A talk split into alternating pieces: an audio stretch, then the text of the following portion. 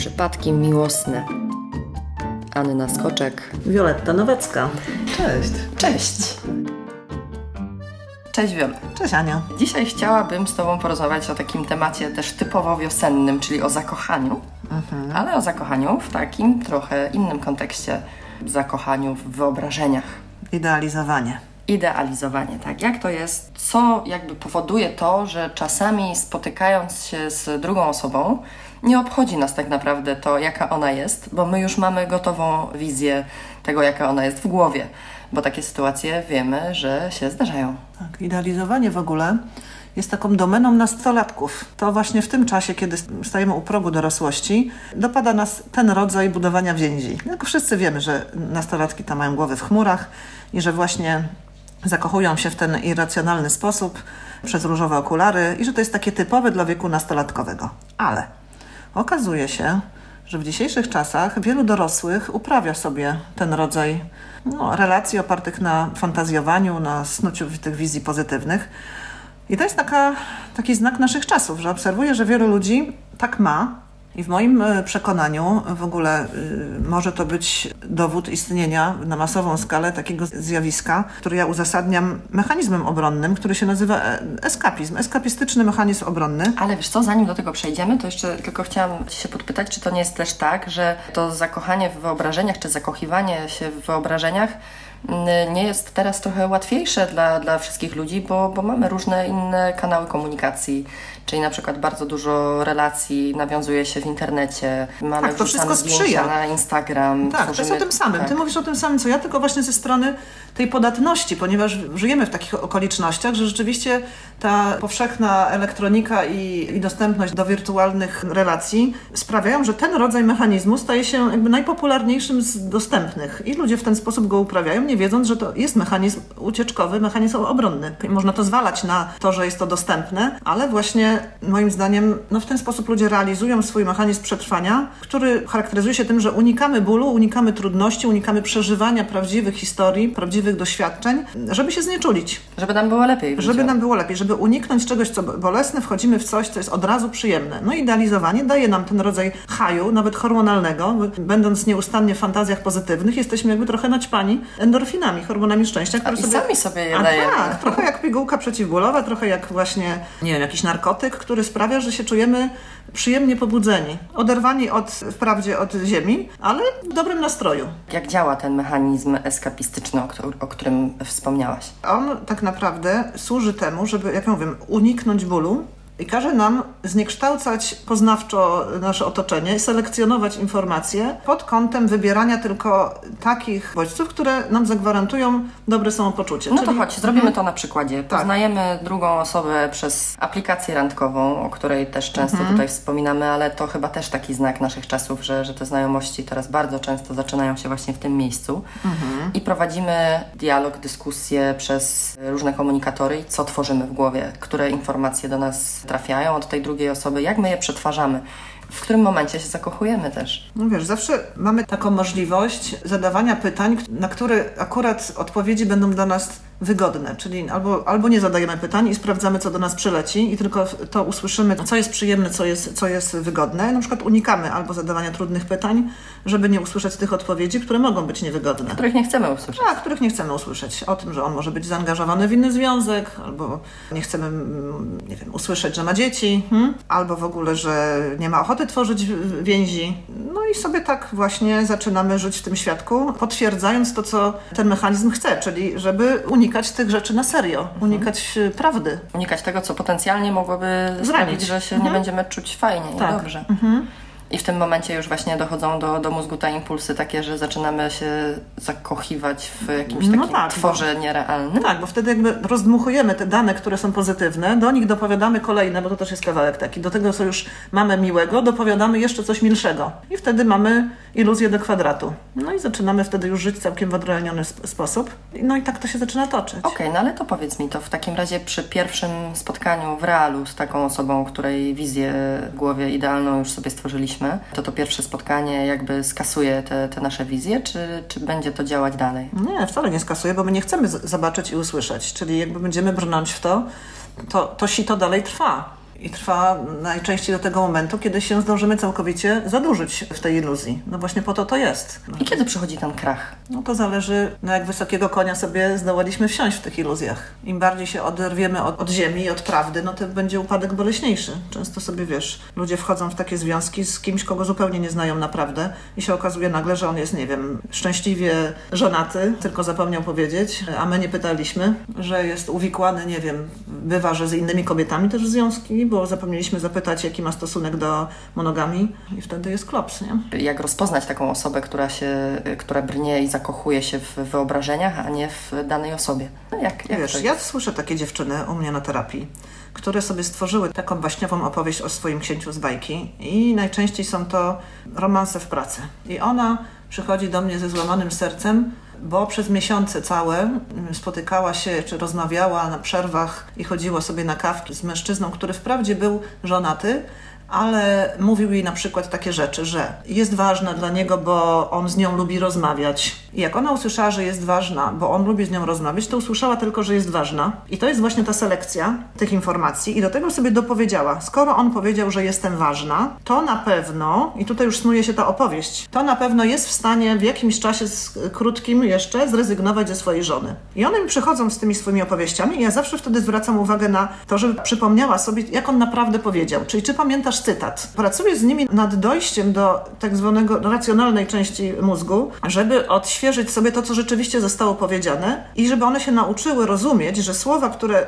usłyszały, są czymś innym niż te, które one sobie zrozumiały i dopowiedziały. Przetworzyły. Przetworzyły i upiększyły. I to jest właśnie często dla nich odkrycie, że ich mózg właśnie w ten sposób zadziałał, że z rzeczy no, zupełnie takiej błahej urosło do nich przekonanie, że ten mężczyzna jest zaangażowany. Ale potem jak się przyglądały tym zdaniom wyjściowym, to stwierdziły, że rzeczywiście to jest kompletna bzdura, to co sobie tam wy wykombinowało. No ale właśnie, wspomniałaś o romansach w pracy, a romanse w pracy to jest też e, taki temat, z którym się do nas zwracacie i o który pytacie Dostałyśmy od Was już kilka takich maili, w których prosicie, żebyśmy ten temat rozwinęły i poruszyły i wydaje się, że akurat zakochiwanie się w wyobrażeniach. To jest, to jest podatny grunt dla tak, tego mechanizmu. Idealny mhm. tak, temat y, w powiązaniu z, jak to powiedzieć, romanse biurowe? No tak, bo tam zobacz, siłą rzeczy ten rodzaj romansów każe nam odgrywać tam jakby swoje najlepsze role. Tam przychodzimy zawsze odstawieni, najlepiej ubrani, lubimy, tak jak wiesz, na Facebooku czy na Instagramie pokazywać swoje tylko najlepsze strony, mówimy o swoich zaletach, czy tam dyskutujemy nigdy nie o problemach. Czy pokazujemy jakiś profesjonalizm, tak, tak, siebie w najlepszym świetle, no bo tak. Pracy jednak chcemy, żeby nas przełożeni, czy, czy chcemy, tak, tak. Pa, czy partnerzy biznesowi.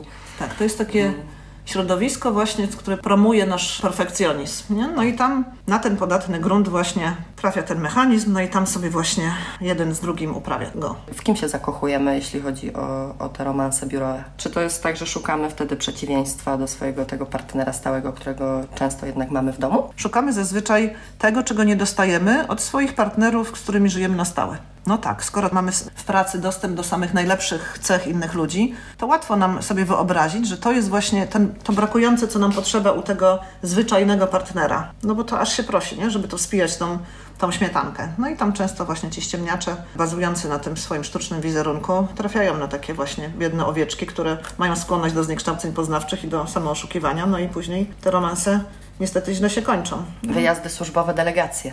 Tam to dopiero jest szał, iluzji no plus jeszcze alkohol, no i tam się zwykle konsumują te pierwsze zauroczenia, no a potem coraz trudniej się od tego odzwyczaić, no bo jednak seks wiąże. No i ta osoba, która sobie stworzyła tą iluzję mentalną czy emocjonalną, do tego jeszcze ma związanie biochemiczne z powodu pójścia do łóżka, no i coraz trudniej się od tego odwiązać. Jest też takiego swojego rodzaju adrenalina, żeby też w pracy może nikt nie zorientował się, że między dwojgiem osób wytworzyła się jakaś relacja. Tak, a tajemnica bardzo wiąże. Czyli jeśli umawiamy się, że czegoś nie, nie wolno, no to, to będzie to najbardziej atrakcyjne. No i to jeszcze jest dodatkowy cement tego niezdrowego, co już się wcześniej zrobiło. Ale romanse w pracy no, są obarczone właśnie ogromnym, można powiedzieć, takim ryzykiem tego, że zakochujemy się w takiej osobie, która nie istnieje. No tak, tak, właśnie. Mhm. Bo ona w domu bywa zupełnie inna niż w pracy. Dokładnie. I dlatego romanse zazwyczaj nie kończą się najlepiej. No, ilość przypadków, które tam wysłuchuję w gabinecie, naprawdę może jeden chyba na całe moje życie zawodowe usłyszałam, że się z tego zrobiła para na stałe. Ale coś w tym i tak jest, bo ja już teraz nie pamiętam gdzie, ale gdzieś takie statystyki wpadły mi w ręce, że jeśli chodzi o zdrady i nawiązywanie romansów, to biuro, praca Tak, m, jest tym miejscem. numer w którym- jeden chyba. Tak, numer jeden na, na tej liście nawiązywania właśnie romansów. No bo jednak spędzamy tam jedną trzecią doby, czasami nawet więcej czasu spędzamy w pracy niż w domu. No tak, tak. Więc y, Łatwe środowisko, że tak powiem, do nawiązywania mamy wspólne problemy, wspólnych wrogów często w pracy, wspólnych przyjaciół. E, Tak, oczywiście to też są iluzje, bo wspólne problemy, ale jakie? Zawodowe, czyli to naprawdę nie jest nasze prawdziwe ja, tylko ja zawodowe. No ale że tych problemów ciągle musimy coś rozwiązywać w pracy, więc tu mam sojusznika, który nam sprawia wrażenie, że jest e, w teamie. No i to też wiąże. No właśnie, i, i to jest też zakochiwanie się w iluzji, żeby było nam przyjemniej i żeby lepiej nam się chodziło do pracy. Bywają takie przypadki, czy masz takie, czy znasz takie przypadki, że ktoś seryjnie zakochuje się w, w kolegach, koleżankach z pracy po to, żeby coś go do tej pracy ciągnęło. To jest specyficzny rodzaj uzależnienia od tego haju emocjonalnego. Znam takie przypadki, które jakby tak ten mechanizm uczyniły mi- mistrzowskim, że właściwie potrzebują stałego napływu tego typu ekscytacji, że potrzebują zmieniać partnera za partnerem. Hmm, I że środowisko w pracy jest tym. A jeśli chodzi w ogóle o te romanse biurowe i romanse w pracy, no to one są jeszcze o tyle niebezpieczne, że mogą zakończyć się katastrofą. Tak, no bo no, że zostaniemy nakryci i nas wywalą za romansowanie. A jak mamy ten kawałek eskapistyczny, co nam każe się tutaj czuć miło, y, no to przez tą seryjność gdzieś w końcu łatwo popełnić błąd i znałam takie przypadki, że właśnie dzięki tej skłonności w końcu ktoś przyuważył, no i dyscyplinarka. Dobrze, to jeszcze chciałabym, żebyśmy wróciły do, do tego zakochiwania się w wyobrażeniach, bo e, okej, tworzymy sobie te wizje w głowie, albo ktoś tworzy sobie wizję w głowie na temat nas, dodaje nam, tak, przypisuje nam cechy, których on chce, tak, żeby, żeby było przyjemnie. Czy ta osoba, która ma taką skłonność do zakochiwania się w wyobrażeniach, będzie całe życie tkwiła w takim przekonaniu, że, że ta osoba jest taka, jak on sobie wymyślił, tak? I, i No wiesz, przede wszystkim, skoro to jest mechanizm obronny, to on musi na nas sprowadzać nieszczęścia, czyli ten rodzaj zakochiwania się w wyobrażeniach i w iluzjach każe nam przeżywać ciąg nieudanych związków. To po pierwsze, no bo gdzieś to w końcu pęka ta bańka. No tak, ona musi się e, objawić, ta prawda, bo ona dotyczyła drugiej osoby, no a ta druga osoba jest sobą, no więc musi to się sprowadzić kiedyś na ziemię, no i zazwyczaj e, jest to bolesne i kosztuje nas dużo rozczarowań. No jak tak się ciągle rozczarowujemy, no to oczywiście możemy sobie po pomyśleć, że jesteśmy nieszczęśliwi, a że ludzie są źli, no ale po to też jest autorefleksja, że jeśli sobie się jakby zwrócimy uwagę, że w kółko cierpimy na to, że się skarżymy na ludzi w swoich, tak, to możemy wpaść na to, że to jest jednak mechanizm i że on jest w nas i że możemy w wyniku pracy nad sobą odkryć, gdzie on powstał, jak do tego doszło, że nami kieruje, że nam zniekształca myślenie, że zniekształca nam odczuwanie i nas prowadzi ciągle do nieszczęśliwych y, sytuacji. I w wyniku terapii możemy jakby zrozumieć ten mechanizm i go przede wszystkim przekształcić, no, mi, zintegrować. Piolu, a z czego się może wziąć taki właśnie ten mechanizm? Dlaczego ludzie zaczynają tworzyć sobie w głowie rzeczy miłe, które niekoniecznie są prawdziwe na temat drugiej osoby, na temat relacji, na temat... Wiesz, eskapizm w ogóle jako mechanizm obronny powstaje u dzieci w wieku tam od 8 lat i jest to taki dostępny w tym wieku właśnie zjawisko, które nam pozwala poradzić sobie w traumatycznej sytuacji, czyli w trudnym zdarzeniu emocjonalnie przytłaczających. I dzieci, kiedy mają na przykład, są bite albo, nie wiem, poniżane przez swoich rodziców, potrafią wtedy zamknąć się w pokoju, otworzyć książkę i zacząć ją czytać, na przykład fantazy i wpaść na to, że dzięki temu, że to robią, albo grają w, w komputer, poczują nagle ulgę. Czyli jakby w ten sposób wpadają na pomysł, że można przez ten rodzaj fantazjowania albo zajmowania się przyjemnymi rzeczami odciąć się od poczucia bólu, które miało miejsce przed chwilą. Przestać czuć się, nie wiem, Źle. Poniżonym. Przestać, poniżonym, tak, prze- przestać nawet czuć ból, jeśli na przykład to było bicie. I ten rodzaj możliwości, które mają dzieci w tym wieku, sprawia, że ten mechanizm się utrwala. Czyli mówię, aha, to wystarczy zrobić coś, jakąś, nie wiem, zagrać w coś, albo coś sobie kupić, albo pofantazjować o jakichś niebieskich migdałach, obejrzeć film. I w ten sposób okazuje się, że to się utrwala i zaczynamy wyobrażać sobie, że zawsze wtedy, kiedy się czujemy źle, sięgamy po iluzję albo po jakąś czynność, która natychmiast da nam dobre A samopoczucie. czy takie dzieci też one w pewnym momencie zaczynają idealizować tych rodziców, którzy jednak robili im krzywdę? To to działa w ten sposób, czy nie? To są zupełnie niezależne tematy. To też jest możliwe. Że w ten sposób to też może zadziałać, że nie uciekamy tylko w iluzje te zewnętrzne, to też mogą być substancje na przykład, nie? bo to też jest mechanizm ucieczkowy, jeśli zaczynamy pić alkohol lub ćpać. Ale właśnie dzięki temu możemy też zniekształcać obraz samego krzywdziciela i dzięki temu uniknąć myślenia, że on jest zły i że nam się przytrafiło zło. Czyli można powiedzieć, że takim pierwszym sygnałem zrobimy może takim auto, autosygnałem dotyczącym tego, że zaczynamy już uciekać w wyobrażenia, które są daleko poza tym realnym tak, światem. Mhm. Jest to, co, o czym mówiłaś na początku, jak ty pracujesz z pacjentkami, czyli że jeśli nam w głowie idealizuje się obraz, nie wiem, przyszłego czy, czy partnera, czy, czy osoby, mhm. z którą spędzamy czas i po prostu nagle łapiemy się na tym, że ona w naszej głowie zaczyna być idealna, to warto sobie spisać tak, mhm. na, na kartce to, co dokładnie powiedziała tak. i, i zobaczyć to co, to, co my tam rozumiemy. No tak, to też jest dobry pomysł, żeby przyjrzeć się, czy nam nie grozi ten mechanizm. Co rzeczywiście usłyszałam albo zobaczyłam, a co jest w sferze moich myśli o tym. Czyli jakby prosić zdrowy rozsądek, żebym sobie przypomniał, z czym miał do czynienia.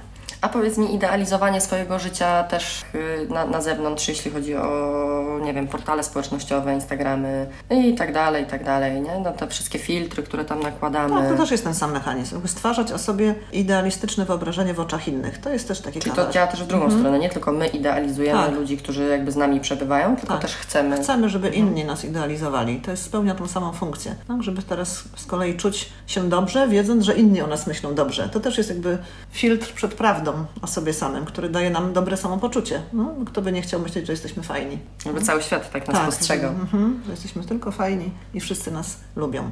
Czy to się może skończyć dobrze, czy to się zawsze skończy źle? To jak grabie. Hmm? Jak, pamiętasz, jak są zrobione grabie? Następujesz na grabie i dostajesz trzonkiem, trzonkiem w czoło. Hmm? Tak długo dostajesz lekcje od życia, aż zrozumiesz mechanizm, na który następujesz. I po prostu to jest nieuchronne. Ten mechanizm nie pokazuje prawdziwego życia, więc musi na, na, nas sprowadzać zdarzenia lub sytuacje, które będą bolesne. A im dłużej się nie uczymy właściwie, to ten nadepnięcie na grabie będzie bardziej bolesne i będzie nam sprowadzała coraz to gorsze sytuacje, żebyśmy ujrzeli w końcu, co my sobie robimy. Ale wiesz co, tak sobie też myślę, że takie osoby, które tworzą takie piękne iluzje, bo one nie są złe, to są iluzje zawsze idealizujące kogoś, czyli na przykład sprawiające, że że ten ktoś w naszych oczach czy mhm. Y, jest piękniejszy, jest fajniejszy, ma tak. lepsze cechy i tak dalej, to można też takie osoby postrzegać jako optymistów, jako można. marzycieli. Tak, takie niektórzy... urocze, uroczych ludzi, którzy przebywają w naszym gronie. No tak, niektórzy właśnie mylą pozytywne myślenie że w ogóle to jest coś, coś tylko super, nie? Ale właśnie pozytywne myślenie bez realistycznego myślenia odrywa nas kompletnie od własnego życiorysu i wyglądamy na, na ludzi bardzo miłych i naprawdę jesteśmy w dobrym nastroju, tylko kompletnie nie kumamy własnego życia. I to jest właśnie groźne. Czyli dlatego ja nie, nigdy nie pracuję z ludźmi, którzy mają negatywne myślenie nad pozytywnym, tylko najpierw on musi się jakby ustabilizować jego umysł, żeby zauważał fakty. I jak dobrze będziemy żyli w faktach, to dopiero można się uczyć pozytywnego myślenia wtedy. Czyli musimy przyglądać się baczniej optymistom? Tak, bo Właśnie w, w, wśród tych optymistów istnieją też bajkopisarze, czyli ciągle mówią o pozytywnych rzeczach, ale na przykład ich nigdy nie robią. To też temat na następny odcinek, nie? że jest taki gatunek mężczyzn, którzy naprawdę, kobiet też, którzy nawet wierzą w to, co obiecują i ciągle fantazują o tym, jak to będzie wspaniale i ciągle właściwie są w tym samym miejscu i tworzą ten fantastyczny obraz siebie samych, czyli są ciągle bardzo dobrze zapowiadający się, ale nigdy im się nic nie udaje. No i te plany są bujne i przepiękne. Tak. To też... w samych planach można się czasami zakochać. No dokładnie, tak. Mhm. I wtedy też wpadamy jak śliwka w kompot w to wyobrażenie, że to będzie prawda, a on tylko to obiecywał. Mhm. Ja nasz umysł dopowiedział, że to jest całkiem realne, tylko nie wiadomo w oparciu o co, bo faktów nie ma. Mhm. No dobra, no to mam jeszcze jeden wątek. Mówimy tu od początku o zakochiwaniu się w wyobrażeniach czyli o zakochiwaniu się i idealizowaniu e, faktów, idealizowaniu relacji drugiej osoby itd., tak itd. Tak Powiedz mi wielu, jak się zakochać w takim razie w e, ludziach, którzy nie są idealni i mają tych skaz, wad, no całe morgi po prostu, no, no wiesz, wory, wad, dziwnych rzeczy, przyzwyczajeń. Jak sobie z tym poradzić, skoro nie mamy tego idealizować? To wszystko zależy od tego, jaki, jaką mamy relację z, samym sobą. Jeśli sama umiem oszacować swoje i zasoby, czyli te to fajne rzeczy, i swoje nieużytki, czyli swoje deficyty. I jestem z tym pogodzona, czyli mam się za człowieka zwyczajnego ludzkiego, który ma swoje wady i zalety. Czyli mam tak zwaną zdrową samoocenę, to wtedy dopiero możemy się zakochać w ten zdrowy sposób w osobie, która też jest nieidealna. I nie chcemy od niej tylko idealnej wersji siebie, bo to wszystko zaczyna się najpierw od, od stosunku do samego siebie. Czyli najpierw musimy sobie sami zdać sprawę z tego, że mamy wady i je zaakceptować albo popracować nad nimi. Dokładnie. Musimy się ze sobą pogodzić. Poznać się i się pogodzić ze sobą w takiej wersji, jakim jesteśmy, czyli ludzi niedoskonałych, którzy są w drodze do zmian. No tak, drodze, bo z wadami no, też można żyć, nawet, Tak. bo, bo sami każdy z nas, każdy człowiek i każda z nas, każdy z nas, kto, kto słucha tych przypadków, no ma wady swoje i wiemy dobrze, że można z nimi żyć, można nawet z tymi wadami żyć szczęśliwie, więc jeśli No, sztuką nie jest nie mieć wad, tylko wiedzieć, że się je ma, wiedzieć, jak się z nimi obsługiwać. No i dobrze by też by było jakoś nad nimi pracować, chociaż odrobinę, nie? żeby w nieskończoność nie popełniać tych samych błędów. A powiedz mi to jeszcze tylko taki jeden krótki kawałek o tym, jak, jak ktoś komuś może, że ma jakąś tam wadę, jakieś swoje przyzwyczajenie irytujące, a ta druga osoba jakby nie potrafi tego zaakceptować, obraża się, zżyma jakoś strasznie i, i jakby nie, nie dociera to do niej, wypiera całkowicie. Nie da się z tą drugą osobą pogadać o wadach. Jak ugryźć ten kawałek? Powinniśmy w ogóle w takich relacjach koleżeńsko-przyjacielskich sobie wytykać różne takie swoje e, przypadłości, wady? Wiesz, wytykać to ja nigdy nie jestem za tym, że sobie powinniśmy, bo wytykanie to zawsze jest jakiś rodzaj krytykowania y, z potępianiem, tylko żeby umieć w ogóle się z tym obchodzić i, i tego nie demonizować, to po pierwsze. Nie? No ale co masz na myśli mówiąc wytykać? No nie wiem, no powiedzmy, że powiedziałabym tobie, wiesz co, Wielu, zbyt głośno się śmiejesz. Wiesz, to jest wada w Twoich oczach, bo gdybyś to powiedziała mi wtedy, ja się źle z tym czuję, albo mi układ nerwowy, nie wiem, wariuje, jak y, słyszę te decybele w Twoim głosie, to bym się dopiero nad tym zatrzymała, że to może Ci szkodzić, ale nie w tym kontekście, żebym pomyślała, że to jest moja uniwersalna wada. Tylko mojej przyjaciółce szkodzi mój podniesiony głos. No to wtedy bym pomyślała, okej, no to sprawdzę, czy dla mojej przyjaciółki, dlatego żeby ona się czuła komfortowo, mogę jakoś zapanować nad tym głosem w tym czasie, kiedy się z nią widuję. Czyli zgłaszanie wad i zgłaszanie niedoskonałości to też jest osobny temat na odcinek. Jak to tak, zrobić? jak to, jak to robić, żeby przede wszystkim druga osoba usłyszała i żeby coś od niej ewentualnie dostać, e, jakąś zmianę. To po pierwsze. A poza tym, jak przyjmować tą krytykę, żeby się nie czuć ani nią zranieni, ani zobowiązani koniecznie, żeby się zmieniać. Zawsze, jak to coś nam nie pasuje, to na pewno niedobrze jest to wytykać, tylko powiedzieć, jak się z tym czujemy. No i tak ładnie zatoczyłyśmy koło, można powiedzieć, e, w temacie zakochiwania się w wyobrażeniach. Doszłyśmy do mówienia o, o wadach, ale mówienia, nie wytykania. Temat rozwiniemy pewnie w jakimś kolejnym, następnym odcinku. Zawsze nam tu pączkują różne ciekawe tematy od innych ciekawych tematów. Tak, z jednego się rodzi 10, ale to chyba jest cały urok też. I dziękujemy Wam bardzo za wszystkie przesyłane maile, za wszystkie przesyłane inspiracje, wiadomości, Wasze pytania i Wasze maile dotyczące tego, o czym chciałybyście i chcielibyście usłyszeć. To dla nas zawsze, Zawsze jest, jest tak. przydatne.